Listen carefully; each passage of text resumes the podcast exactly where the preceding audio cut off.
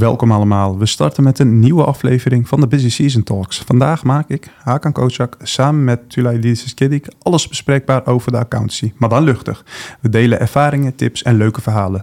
We blikken terug en kijken vooruit met studenten, accountants, bestuurders, toezichthouders en iedereen met interesse. Vandaag hebben we een zeer leuke gast in de huiskamer van accountants. Onze gast is Mona de Boer is een partner van uh, de, uh, Data en Technology bij PwC, waar ze sinds 2003 werkt. Ze leidt de Responsible AI en Digital Ethics praktijk en is zeer gepassioneerd over innovatie, met name in het veld van kunstmatige intelligentie. Welkom Mona. Ja, dank jullie wel. Heb je er zin in? Ja, ik ben heel benieuwd, heel nieuwsgierig. Gaat helemaal uh, goed komen. Tula, ja, voor het, e- ja, wij uh, nemen ook voor het eerst een uh, fysieke podcast met elkaar op. heb je er zin in? Ik heb er onwijs veel zin in. Dit is zo'n relevant onderwerp. Laten we snel aan de slag gaan. Ja, laten we dat zeker doen. Um, even om Mona verder te introduceren. Ze heeft veel ervaring met het toepassen van innovatieve technologieën. Werkt graag aan, aan projecten die deze technologie in de praktijk brengen om klanten te helpen. En naast haar werk bij PwC doseert Mona ook naast haar dagelijkse werk. En heeft ze onlangs haar PhD-onderzoek afgerond. Dus uh, ja, gefeliciteerd. Super, Kijk of ik nog een uh, um, applausje bij kan vinden. ja, dat is een hele achievement. Dus, uh, Merci. Ja, echt heel mooi. Daar gaan we het straks zeker over hebben. Want ja, het gaat ook over AI-onderzoek. Absoluut, ja, over trustworthy AI. Yes. En uh, ja, in, wat gaan we doen tijdens deze aflevering? We bevragen Mona over passie voor kunstmatige intelligentie. We zullen ook haar visie op uh, verantwoordelijke AI verkennen en hoe ze dit in haar uh, werk implementeert. Ja, het belooft een enorm mooi gesprek te worden. Dus ja, laten we beginnen. Ja, laten we dan gelijk beginnen met Mona beter te leren kennen. Mona, wij zijn erg geïnteresseerd in je professionele pad, dat je op, tot op dit punt heeft gebracht. Je werkt nu op het raakvlak van technologie, innovatie en accountancy, een uniek en uitdagend gebied. Kun je ons meenemen op die reis? Wat waren de sleutelmomenten of invloeden die je ertoe brachten om je op dit gebied te specialiseren? Ja, ik ben uh, in 2003 in de accountancy gestart. Dus uh, nou ja, um, te gek. Ik hou van de dynamiek. Uh, veel bij op verschillende plekken zijn. Um, veel leren over organisaties. Je mag overal als accountant direct in de keuken kijken. Dus, uh, en met verschillende mensen werken. Dus eigenlijk die dynamiek vond ik te gek. Um, en nou ja, um, het, het belang een heel belangrijk sleutelmoment kwam eigenlijk al heel vroeg in mijn uh, loopbaan. En dat was denk ik ongeveer na een jaar al. Dat ik dacht, hé, hey, technologie. Dat, moet, uh, dat mm -hmm. zie ik een, voor een deel terug, maar ja. nog te weinig binnen organisaties. Hè, daar waar ik controleer. Um, ja, uh, daar zijn ongelooflijk veel kansen voor technologie. En hoe zit dat? De, en uh, ja, dat was eigenlijk ooit de reden dat ik, uh, nou ja, na de afronding van mijn RA-opleiding, me direct in de RE-opleiding stortte. Want ik dacht, daar wil ik nou meer van leren en daar wil ik dagelijks mee bezig zijn. Dus dat sleutelmoment kwam heel vroeg en dat zat eigenlijk ja. in hele onschuldige gesprekken. Bijvoorbeeld, um, ik herinner me een klant die, um, ik kreeg ooit, nou ja, financiële informatie uit het systeem. En uh, dat was ik uh, aan het bekijken en um, vragen over aan het stellen. En de klant zei tegen mij: waarom toets jij informatie die uit het systeem komt? En dat soort hele kleine, onschuldige gesprekken bijna zetten je aan het denken. En uh, zorgen dat je ja, nieuwsgierig wordt. En eigenlijk, die gesprekken zijn me altijd bijgebleven. Want tot op de dag van vandaag nog ja, spelen zo'n rol in wat ik doe, um, hoe ik dat doe, um, nieuwsgierigheid. Nou ja, ja, al dus die mooie dat, dingen. Uh, dat uh, vonkje, dat kwam eigenlijk al heel vroeg, waarna je dacht, hé, hey, ik ga verder met de RE-opleiding. Ja. Maar dat was nog niet genoeg. Je nee. dacht, laat ik ook maar beginnen met die PhD. Hoe kwam ja. dat dan? Nou, ja, ik heb daar uh, nou, wel eens over nagedacht, hè, van wat is dat toch? Um, ik, ja, ik, ik denk, um, hè, dat heeft voor, ding, voor een deel te maken met de dingen die je dagelijks ziet. En ja, in combinatie denk ik met... ik heb altijd een, een natuurlijke nieuwsgierigheid gehad. Ik ben altijd heel erg benieuwd geweest waarom dingen zijn zoals ze zijn. Um, hè, is dat goed? Zouden ze anders moeten zijn? Uh, dus heel erg uh, vanuit dat levens... Hè, soort levenshouding zou ik bijna willen zeggen. Ja. Um, en ik ben altijd gefascineerd uh, op de een manier door de academische wereld ook. Ik heb er altijd naar gekeken en ik dacht, ja, dat vind ik fantastisch. Daar, daar wordt nieuwe kennis ontwikkeld, daar leren we nieuwe dingen. En die kunnen we dan zinvol maken voor wat we in de praktijk doen. Dus ik heb ook altijd een beetje, ja, stiekem een soort, ja, fascinatie gehad. Dus toen ik klaar was met de RE, toen dacht ik... nee, dit is nog niet het einde van mijn dagen op de universiteit. En, vertel eens, hoe, hoe gaat dat dan? Want uh, op een gegeven moment heb je al een RA en een RE-opleiding gedaan... en dan kom je weer aankloppen bij uh, de afdelingsbaas... en dan zeg je, ja, nog een opleiding. Hoe, hoe ging dat? Uh, ja, je bedoelt uh, bij PwC aankloppen. Ja, mm ja um, nou ja, ik, ja, enthousiast eigenlijk direct wel. Um, um, ik denk wel dat, dat er... Uh, het is natuurlijk niet een vraag die elke dag langskomt. Dus in die zin uh, was het een... hey, vertel, hoe kom je daarop? wat houdt dat in? waarom wil je dat doen?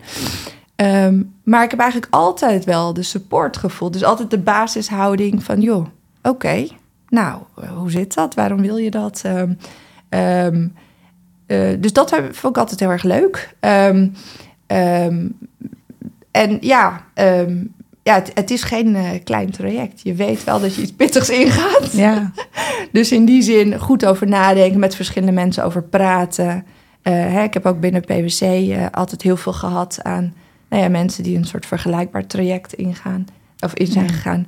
En um, daarvan horen hoe en wat. Maar um, ja, het was voor mij, het stond buiten kijf. Um, kijk, je stapt niet uh, hè, 1, 2, 3 zo'n traject in. Je weet dat het jaren gaat duren. Ja.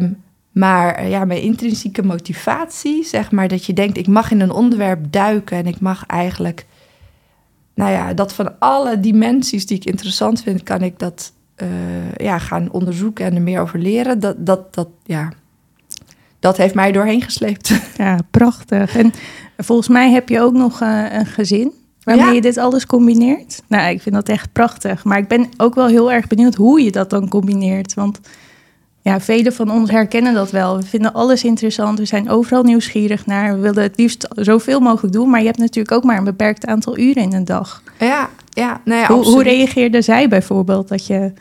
Uh, of hoe heb je dat eigenlijk aangepakt? Of hoe heb je dat eigenlijk allemaal in elkaar geschoven? Daar zijn wij ook wel heel erg benieuwd naar. Ja, um, nou ja, dat, dat is best pittig. Hè? Ik bedoel, dat, ik denk dat we dat allemaal herkennen. Vooral uh, mensen die natuurlijk een, een gezin of uh, andere bezigheden hebben naast een drukke carrière.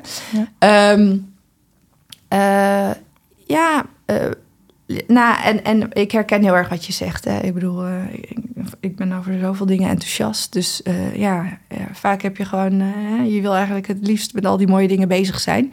Maar ik denk door de jaren heen heb ik wel geleerd. Um, ja, toch in al die drukke bezigheden toch een soort van rode lijn vinden en focus vinden.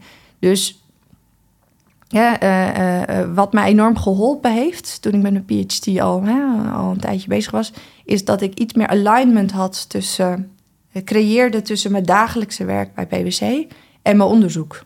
Mhm. Daardoor voelde het wat minder alsof het twee hè, dingen waren die naast elkaar waren. Maar was het weer één initiatief. Ik was eigenlijk met één topic dagelijks bezig. Mhm. Alleen af en toe in de praktijk met klanten hè, uh, en met collega's. En op een ander moment uh, hè, door, door in, diep in de uh, academische artikelen te zitten. Maar ik had wel het gevoel, ik ben met één ding bezig. Um, en ja, um, nou ja ook hè, als je ge gezin hebt of mooie hobby's die je daarnaast wil doen, dat is ook belangrijk. Dus je kan dat harde werken, want ja, het is gewoon pittig. Ik bedoel, het vraagt veel. Maar je kan het natuurlijk alleen maar volhouden als je ook zorgt dat je voldoende die rustmomenten of die dingen doet die jou op een andere manier energie geven. Dus ik heb eigenlijk heel duidelijk altijd voor mezelf bepaald wat zijn mij, mijn um, ja, um, go's of no-go's, hoe je het ja. wil zien. Uh, en mijn non-negotiables, zoals ze in het mooi Engels zeggen. Uh mhm. -huh. En daar heb ik altijd heel erg aan vastgehouden. Um, en uh, ja, dan, dan merk je dat als je continu die balans hebt tussen hard werken en je rust, dan, ja, dan sla je ze er doorheen. Ja. ja.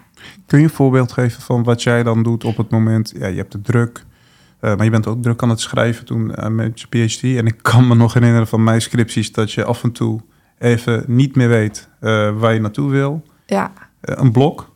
Ja, wat ja. doe je dan? Nou ja, je leert jezelf in zo'n traject kennen. Dus um, daar waar ik ja, het mooie van onderzoek doen en van ja, een stukje creativiteit komt er natuurlijk ook bij kijken. Dat kan je niet afdwingen. Ehm, ja, je kan niet achter je laptop... Nou, ik ga de komende vijf uur ga ik schrijven. En dat wil je wel uh, als hè, efficiënt mens... dat gewoon graag uh, uh, dingen wil afronden. Alleen, ik heb geleerd van zo'n traject... dat bepaalde dingen hebben een bepaalde dynamiek. En onderzoek doen is daar voor mij één van. Um, ja, die kun je niet zeg maar altijd plannen. Dus dat betekent dat vanaf het moment eigenlijk... en je leert heel veel over jezelf dan hè, in zo'n traject. Hoe je in elkaar steekt, hoe je ideeën ontwikkelt... hoe dat bij jou zelf werkt. En um, ik heb juist gemerkt op die momenten... dat je een soort van writersblok hebt... of, te, of in ieder geval even denk, joh, poeh, welke kant moet ik nou op? Dat het geen zin heeft om dan dat te pushen... Dus wat ik op die momenten vaak deed, is het juist even een klein beetje afstand van nemen. Okay. En dat voelde aan het begin heel erg juist, hè, uh, hoe zeg je dat? Uh, uh, tegen mijn intuïtie, tegen mijn intuïtie in. Um, maar ja, ik heb wel geleerd, op die manier komen die ideeën weer los en gaan ze weer vloeien. Um, en ik moet zeggen, dat heb ik uit mijn PhD geleerd, maar ik maak daar nog nu na de PhD ook dankbaar gebruik van. Ja, ja. ja. Ja, geweldig. En hoe reflecteer je op? Je hebt het nu afgerond. Uh, het heeft een heel aantal jaar geduurd. Nu heb je heel veel tijd over. Mona, wat kunnen we van je verwachten? Nou, ik moet nog gaan ervaren dat fenomeen van heel veel tijd over hebben. dat is nog niet helemaal, uh, zeg maar, de werkelijkheid geworden. Maar, maar je hebt een terecht punt hoor. Ja, ik, ik kan niet zo goed stilzitten. Dus uh, ja, er bruisen heel veel ideeën alweer in mijn hoofd. Um, um, dus ja, daar, daar gaat, ja, dat ben ik nu aan het vormgeven. Um, uh, neem ik ook even de tijd voor. Uh, okay. Want dat vind ik ook belangrijk. Niet te snel ergens induiken, maar ook daar weer even een, een stap uh, op de plaats maken om even te denken: ja, wat, wat geeft weer nieuwe energie? Okay. Maar ja, dat er niks komt, is niet aan de orde. Ja, nou exact. Nou, over induiken gesproken, laten we dan ook induiken over het onderwerp waar we het vandaag over willen hebben. Dat is ook een onderwerp wat je uh, hebt onderzocht. Uh, laten we beginnen bij AI, maar het is eigenlijk waar we het over willen, is generative AI. Dat is een soort van de nieuwste trend. Uh, in ieder geval voor het grote publiek binnen AI. de generative AI lijkt een hele nieuwe wereld van mogelijkheden te openen. Van het schrijven van teksten tot het creëren van kunst. Het is best wel spannend. Ik ervaarde ook een paar maanden geleden toen ik in aanraking kwam met de eerste beta van ChatGPT. Want daar gaat het nu even om. Ja, dat, dat, dat, was echt geweldig. Uh, het opstellen van contracten, het discussiëren, de, eh, het bedenken van liedjes, het maken van grapjes, maar ook de zoekfunctie gewoon gebruiken om. Ja, het, is, het opent zoveel mogelijkheden. En in een korte tijd zag je ook dat er heel veel start-ups uh, ontstaan, allerlei nieuwe ideeën ontstaan. Het is echt. Ik heb het gevoel dat we aan een vooravond van een uh, ja, grote paradigma-verschuiving vinden. Hoe, hoe heb jij dit ervaren? Want jij bent al een tijdje bezig met AI. Ja, nee, um, absoluut. Kijk.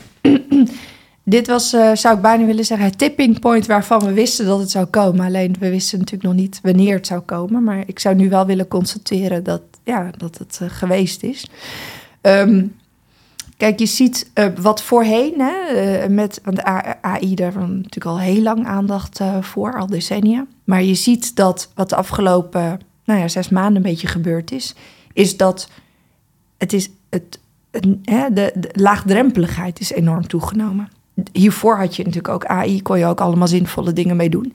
Alleen de, de investering voor organisaties of gewoon voor mensen, hè, persoonlijke gebruikers, was te, te groot. Dus je moest best wel wat hè, werk verzetten voordat je een bruikbare oplossing had. En die drempel is nu met hè, dat general purpose AI, generative AI, is dat enorm naar beneden gegaan.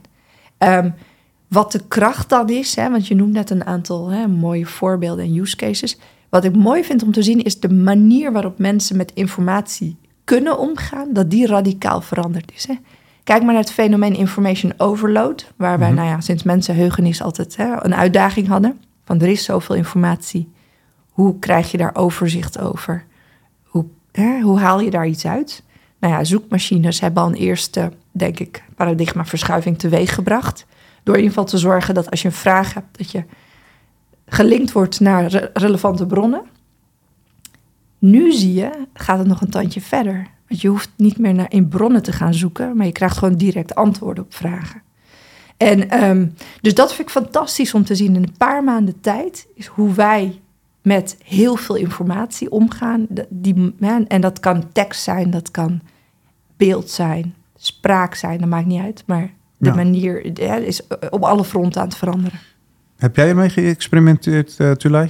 Ja, zeker.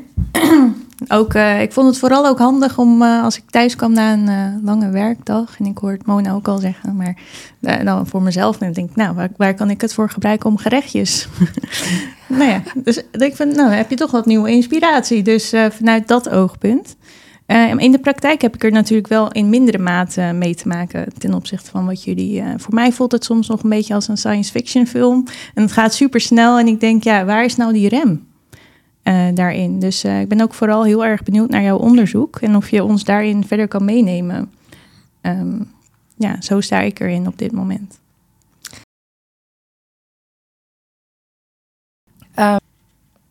Dus ik ben ook vooral benieuwd of je ons nog wat meer kan vertellen over jouw onderzoek. Ja, absoluut. Um, uh, mijn onderzoek gaat um, over trustworthy AI, hè, of responsible ethical AI. Het komt in verschillende vormen. Hè, is het nu onderdeel van publiek debat?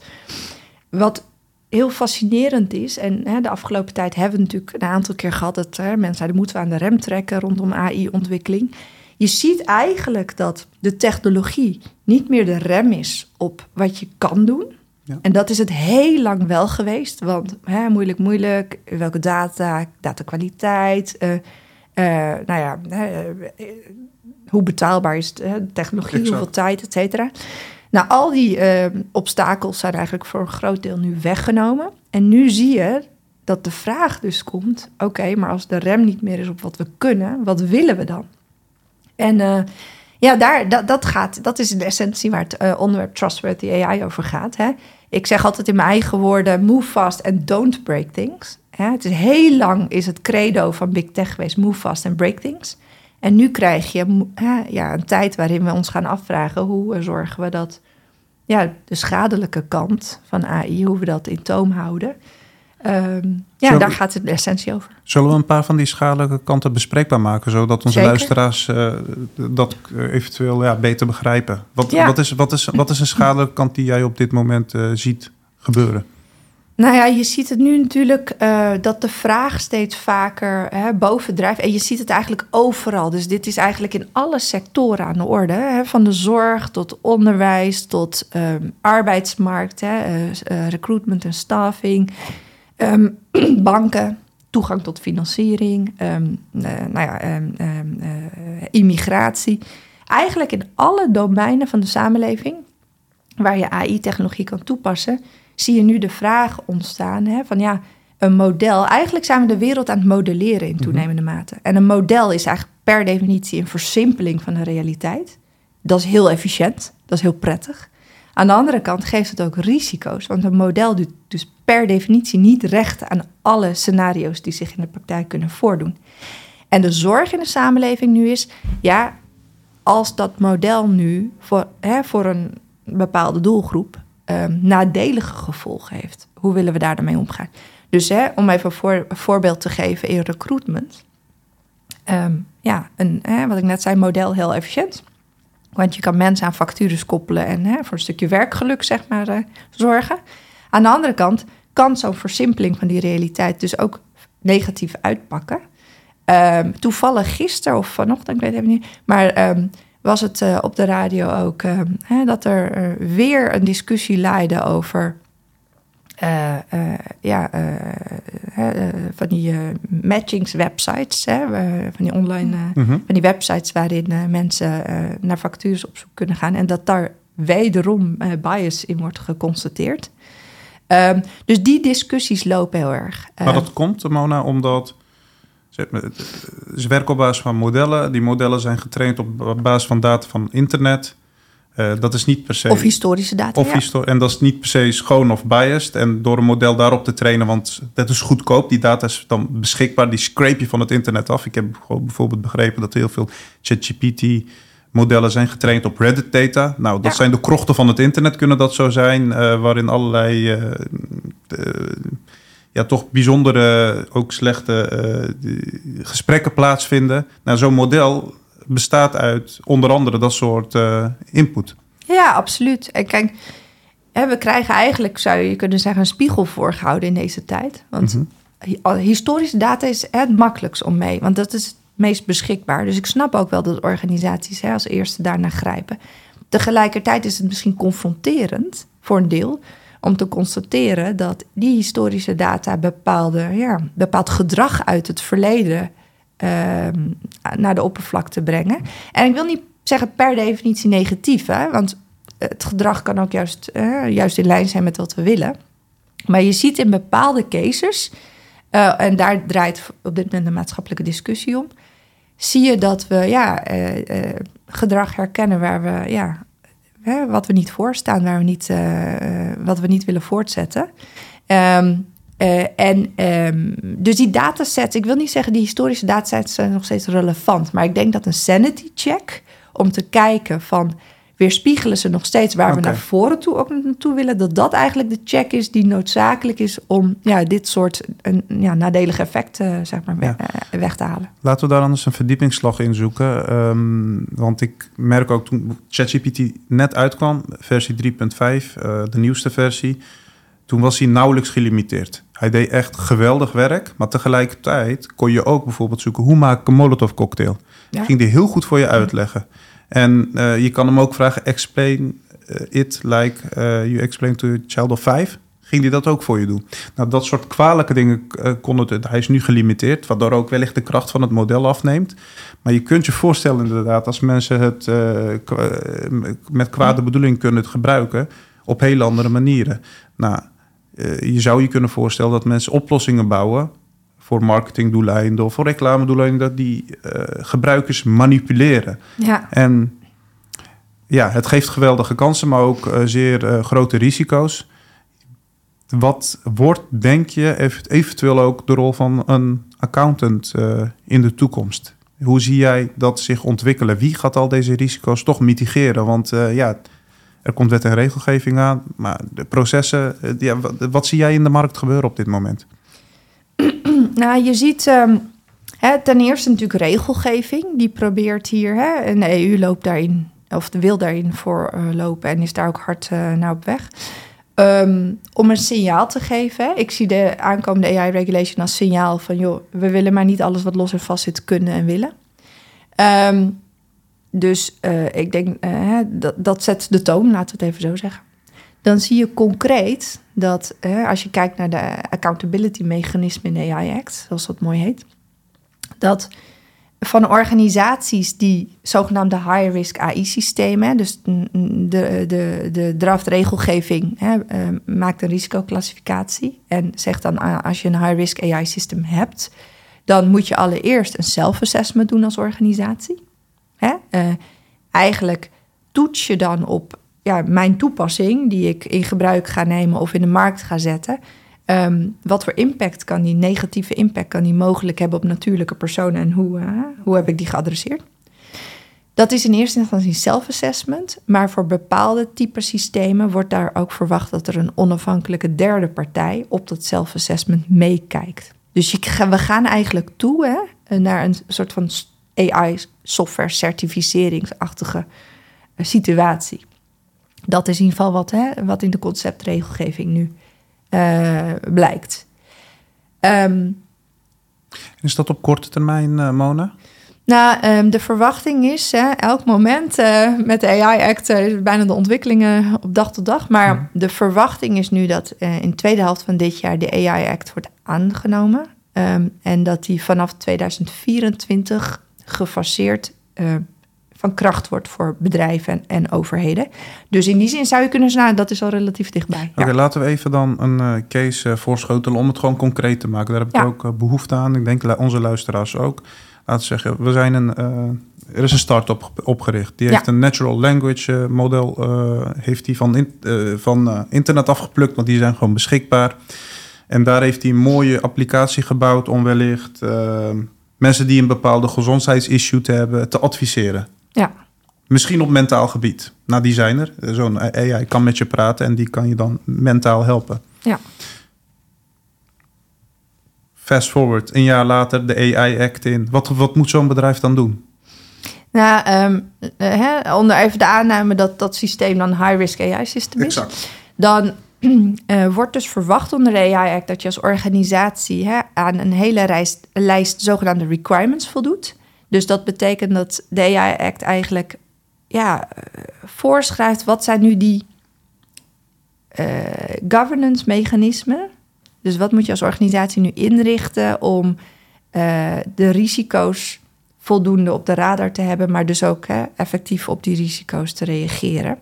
Dus dat zijn zeven categorieën van requirements. En waar moet je dan aan denken? Risicomanagement, data en data governance, transparantie van informatie die aan de gebruikers van het systeem wordt verstrekt. Ehm, nou, dat documentatie, een stukje logging op die systemen, et cetera.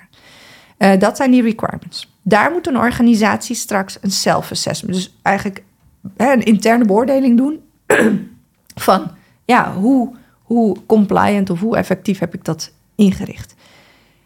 Hè, eh, nogmaals, voor bepaalde systemen moet daar een onafhankelijke derde op meekijken. Um, en dat zou zomaar een auditor kunnen worden. Hè? Dat, dat is nu onderwerp van gesprek. Eh, Wat voor partijen zijn dat? Hè? Um, het is eigenlijk een soort certificering. Um, mm -hmm. Dus de, nou ja, daar zijn auditors in het verleden natuurlijk hè, uh, mee bezig geweest, maar ook andere partijen in de markt. Dus dat is nu, nu een beetje aan uitkristalliseren. Maar laat ik het even bij de auditor houden. Dus dan zou het betekenen dat een auditor dus gaat kijken naar dat self-assessment van de organisatie op die zeven domeinen van requirements. Om te kijken, ja, uh, heb je dat nou ingericht zoals de bedoeling van de AI-act is? Dat is uh, nogal, nogal een karweitje. Uh, maar een goede ontwikkeling. bij mij rijst daar meteen de vraag van... in hoeverre kan je alles controleren? Is dat wel mogelijk? Want sommige tools, sommige AI-tools... die gaan zo ver en haken altijd al over... een AI-tool die met je praat op het gebied van mentaal... Uh, je mentale gesteldheid, dat lijkt me best wel complex. Ja, uh. nou, absoluut. en een, een, een, belangrijk deel van mijn onderzoek mm -hmm. um, in, uh, heeft, ook, heeft ook bestaan uit kijken wat voor soort onderzoeken zijn nu het afgelopen decennium gedaan. Dit is nog een heel jong onderzoeksgebied. Dus ja. het is nog niet heel veel literatuur. Eén decennium is een heel jong gebied. maar ik heb gekeken wat voor soort systemen worden nou onderzocht en door wie. Um, maar ook wat voor pardon, methode passen ze toe. Um, en jouw constatering is heel terecht. Dus hè, op dit moment hebben wij nog niet het arsenaal, de toolbox, zou ik maar even zeggen, om alle vragen die rondom dit soort systemen bestaan, om die te beantwoorden. Tegelijkertijd vind ik dan, hè, zou ik bijna een oproep zijn aan auditors, maar we moeten ook niet wachten tot het arsenaal er is en in kannen en kruiken is. Dus ik denk dat de relevantie van de auditor eigenlijk nu al, hè, want die systemen zijn er al. Ze zijn al in de praktijk, ze beïnvloeden de samenleving al. Um, dus het is van belang dat we ja, ook agile, hè, als auditors ook agile hierin meegaan. Kijken wat kunnen we wel doen. Um, um, uh, en, en op die manier organisaties en overheden helpen om in ieder geval de risico's die te voorzien zijn op dit moment, om om te zorgen dat daar geen negatieve impact uitkomt. Ja. Maar dit gaat nog wel jaren duren ook om zeg maar ook de middelen te hebben. Mm -hmm. uh, om nou ja, soms die black boxes ook gewoon te begrijpen en uh, ja, te kunnen constateren dat er voldoende aan, aan is gedaan om die risico's zeg maar uh, terug te brengen. Ja, Mona, we hebben het toch over een best breed vakgebied, dat, AI. Organisaties bijvoorbeeld die nu allerlei applicaties ontwikkelen. Maar we hebben het net over mentale gesteldheid gaan. We hebben het over de gezondheid van mensen gehad. Uh, we hebben het, je moet een bedrijf beter begrijpen. Je moet processen, haar stakeholders. Dit, dit is een vrij breed vakgebied. Uh, wat voor profiel heb je dan eigenlijk nodig om straks uh, toch die vertrouwen voor die maatschappij te realiseren?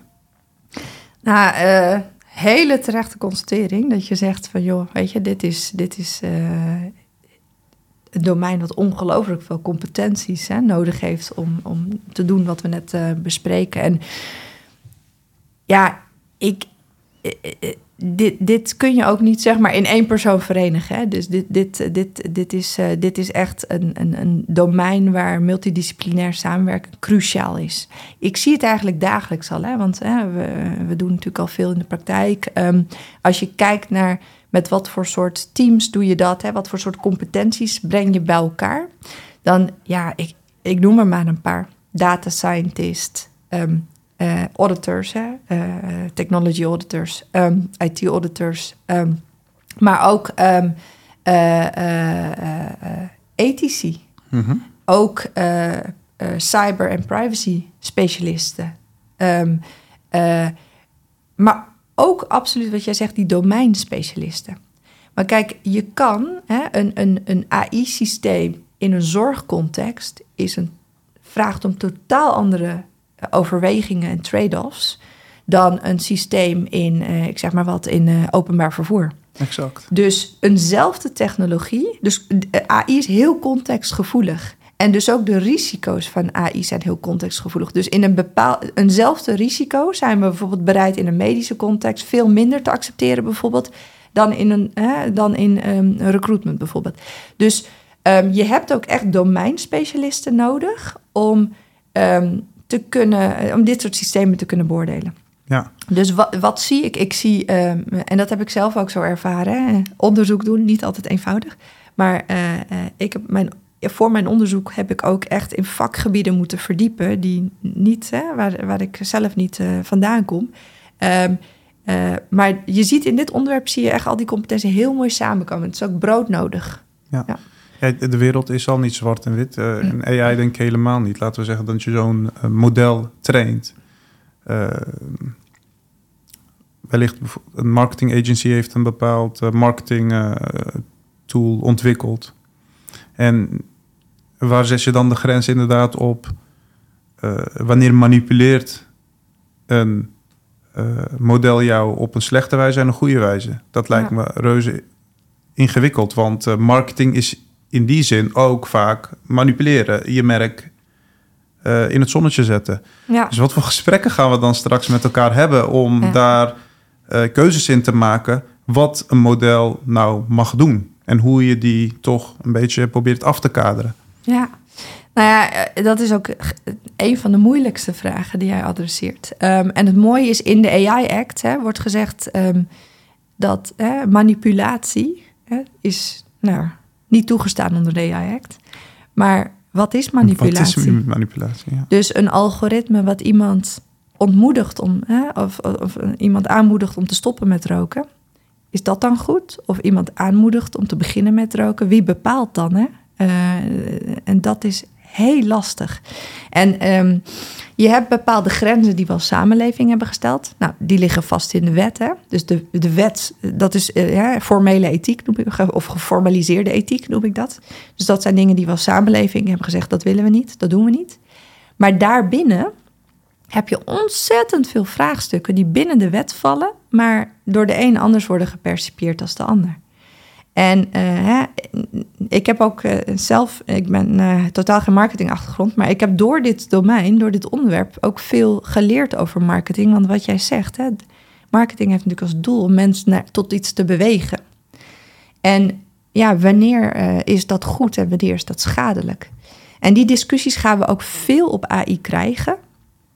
Um, je ziet het nu al, hè? dus bijvoorbeeld die discussie die in Nederland leidt over moeten we TikTok dichtzetten voor kleine kinderen. Nou, dat is precies in, in, in het hart van dat vraagstuk waar we het net over hadden, hebben. Dus TikTok heeft heel veel positieve kanten, of sociale media in het algemeen. Maar kan ook schade veroorzaken. En waar trekken we de grens? Um, nou, met ChatGPT kan je die discussie ook zo, hè? die kan je zo uh, ook spiegelen op ChatGPT. Uh, heeft uh, hele positieve en goede kanten. Maar um, ja, kan ook onze publieke opinie op een negatieve ja. manier beïnvloeden, ja. bij wijze van. Ja, met marketing, hè? daar kunnen natuurlijk ook kwade bedoelingen bij komen kijken van organisaties. zie jij dat al gebeuren in, en in, in welke mate? Ja, kijk, uh, die AI-systemen, dat is natuurlijk een instrument. Um, eh, wat we net al zeiden, dat kun je op een goede manier inzetten. Um, maar ook ja, uh, voor slechte bedoelingen. Je ziet het nu al, hè. Ik bedoel, waar een van de dingen waar in het kader van slechte bedoelingen... waar ChatGPT voor wordt gebruikt, is phishing-e-mails. Dus hele realistische e-mails, soms zelfs in iemands stijl. Hè? Want je kan ook nog context meegeven en stijl meegeven. Dus je kan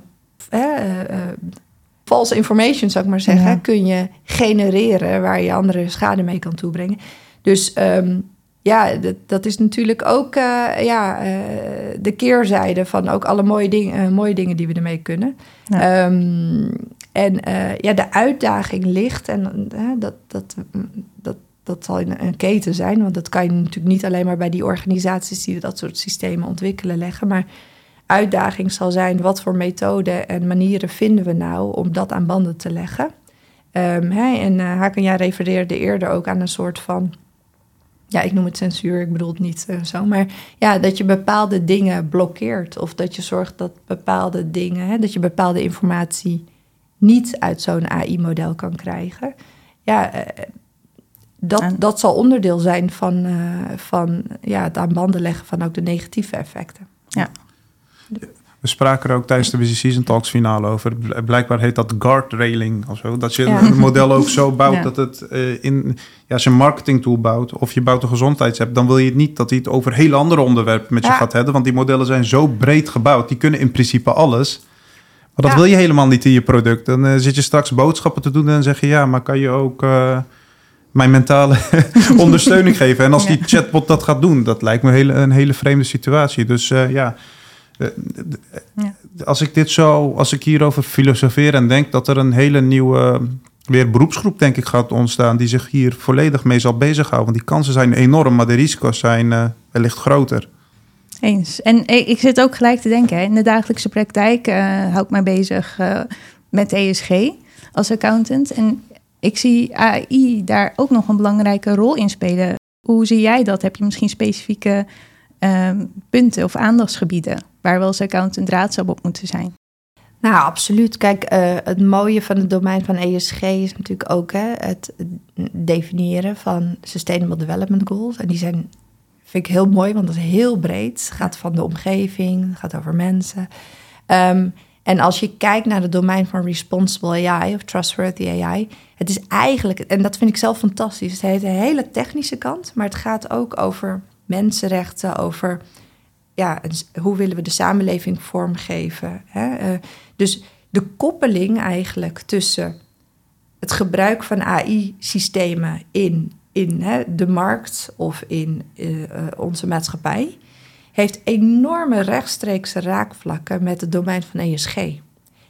Zie ik dat in de praktijk, interessant genoeg, nog veel te weinig. Ik zie heel weinig bedrijven die de koppeling maken nog tussen die twee. Ja. Terwijl eigenlijk het heel erg voor de hand ligt. Uh, dus je zou eigenlijk kunnen zeggen, een organisatie die straks gaat bepalen of hun AI responsible hè, is opgezet, ja. zal nou ja, een, een, directe koppeling moeten maken naar hun eigen Sustainable Development Goals. Um, Um, maar goed, dat moet denk ik nog groeien. Het zijn allebei natuurlijk nog domeinen enorm in ontwikkeling. Ik zie dat, dat dat in de praktijk nog een beetje moet landen en dan bij elkaar moet worden gebracht. Ja, en de Sustainable uh, de Development Goals die zijn uh, mooi. En ik weet dat uh, vanaf 1 januari komt de CSR, is de CSRD van kracht voor grote pies in Europa. Dan zullen organisaties ook wel moeten. En dan, dan, daarin nemen ze natuurlijk ook de keten mee. Dus wellicht dat vanaf dat moment ook de versnelling komt. Liever vandaag dan morgen. Maar ja, dat zou nog wel een mooie uitkomst zijn. Ja, en uh, weet je, het, het, mooie vind ik, als je nu naar uh, AI kijkt in relatie zeg maar, tot het domein ESG en CSRD specifiek, dan zie ik twee kansen. Eén is AI als onderdeel van de transformatie die organisaties gaan maken. Dus het invullen van hun ja. Sustainable Development Goals en AI als instrument om zeg maar daar versneld te komen. Um, twee is over het stukje rapportage. Want hè, nou ja, dat weet jij beter dan ik, maar er moet uh, nou ja, best wel wat niet-financiële informatie komt er in de jaarverslagen, die daar hè, als ook een stukje verantwoording. Zeker, ja. um, ook daar zie ik nu met dit nou, powerhouse van uh, generative AI uh, zijn natuurlijk enorme kansen om ook uh, organisaties te helpen versneld op een goede manier ook hè, uh, verantwoording af te kunnen leggen over hun doelen. Ja. Ja. laten we ook eh, wat leuke dingen bespreken. In die zin van, ehm, ja, ChatGPT, oh, die eh, language, models zijn natuurlijk hartstikke creatief. Mensen gebruiken ze hartstikke creatief. Mona, vertel eens. ehm, je bent er al een paar maanden mee bezig. Ik spreek je ook af en toe eh, bij PwC, zie ik je op de gang. En dan, ja, hoe gebruik jij het? En hebben we, hebben we daar een kort gesprek over. Ja, wat, wat, heb, wat heb jij to- er tot nu toe mee gedaan waarvan je denkt, dat, nou, dat was leuk en handig? Nou ja, heel veel. ik denk net als jullie zie ik natuurlijk ook. eh, ja, eh, kijk, eh, ik denk misschien wel door ChatGPT ga je wat explicieter stilstaan bij hoe vaak je een stukje content moet maken. Ehm, hè, dat je een stukje schrijft of een, ergens een biografie voor moet maken. Of, hè, of je wil weten wat de trends, de laatste trends in fintech zijn. Of ik, ik, zeg maar wat. Dus ehm, ja, ik maak wel dankbaar gebruik. eh, en uiteraard hè, rekening houdend met ook eh, eh, de risico's in mijn achterhoofd. Dat kan bijna niet anders als je op in dit domein werkt. Maar ehm, ja, heel veel van de dingen die we dagelijks produceren aan content, daar maak ik ook dankbaar gebruik van. Ehm, als ik een beetje breder kijk hè, in het werkveld data science, waar ik een beetje door omgeven ben. Ja, het mooie is ehm, eh, ook een stukje eh, ehm, ja, software creëren. Dus eh, een stukje programmeren, Mhm. code optimaliseren. Ehm, eh, eh, daar liggen ook hele mooie kansen. En waarom vind ik dat mooi?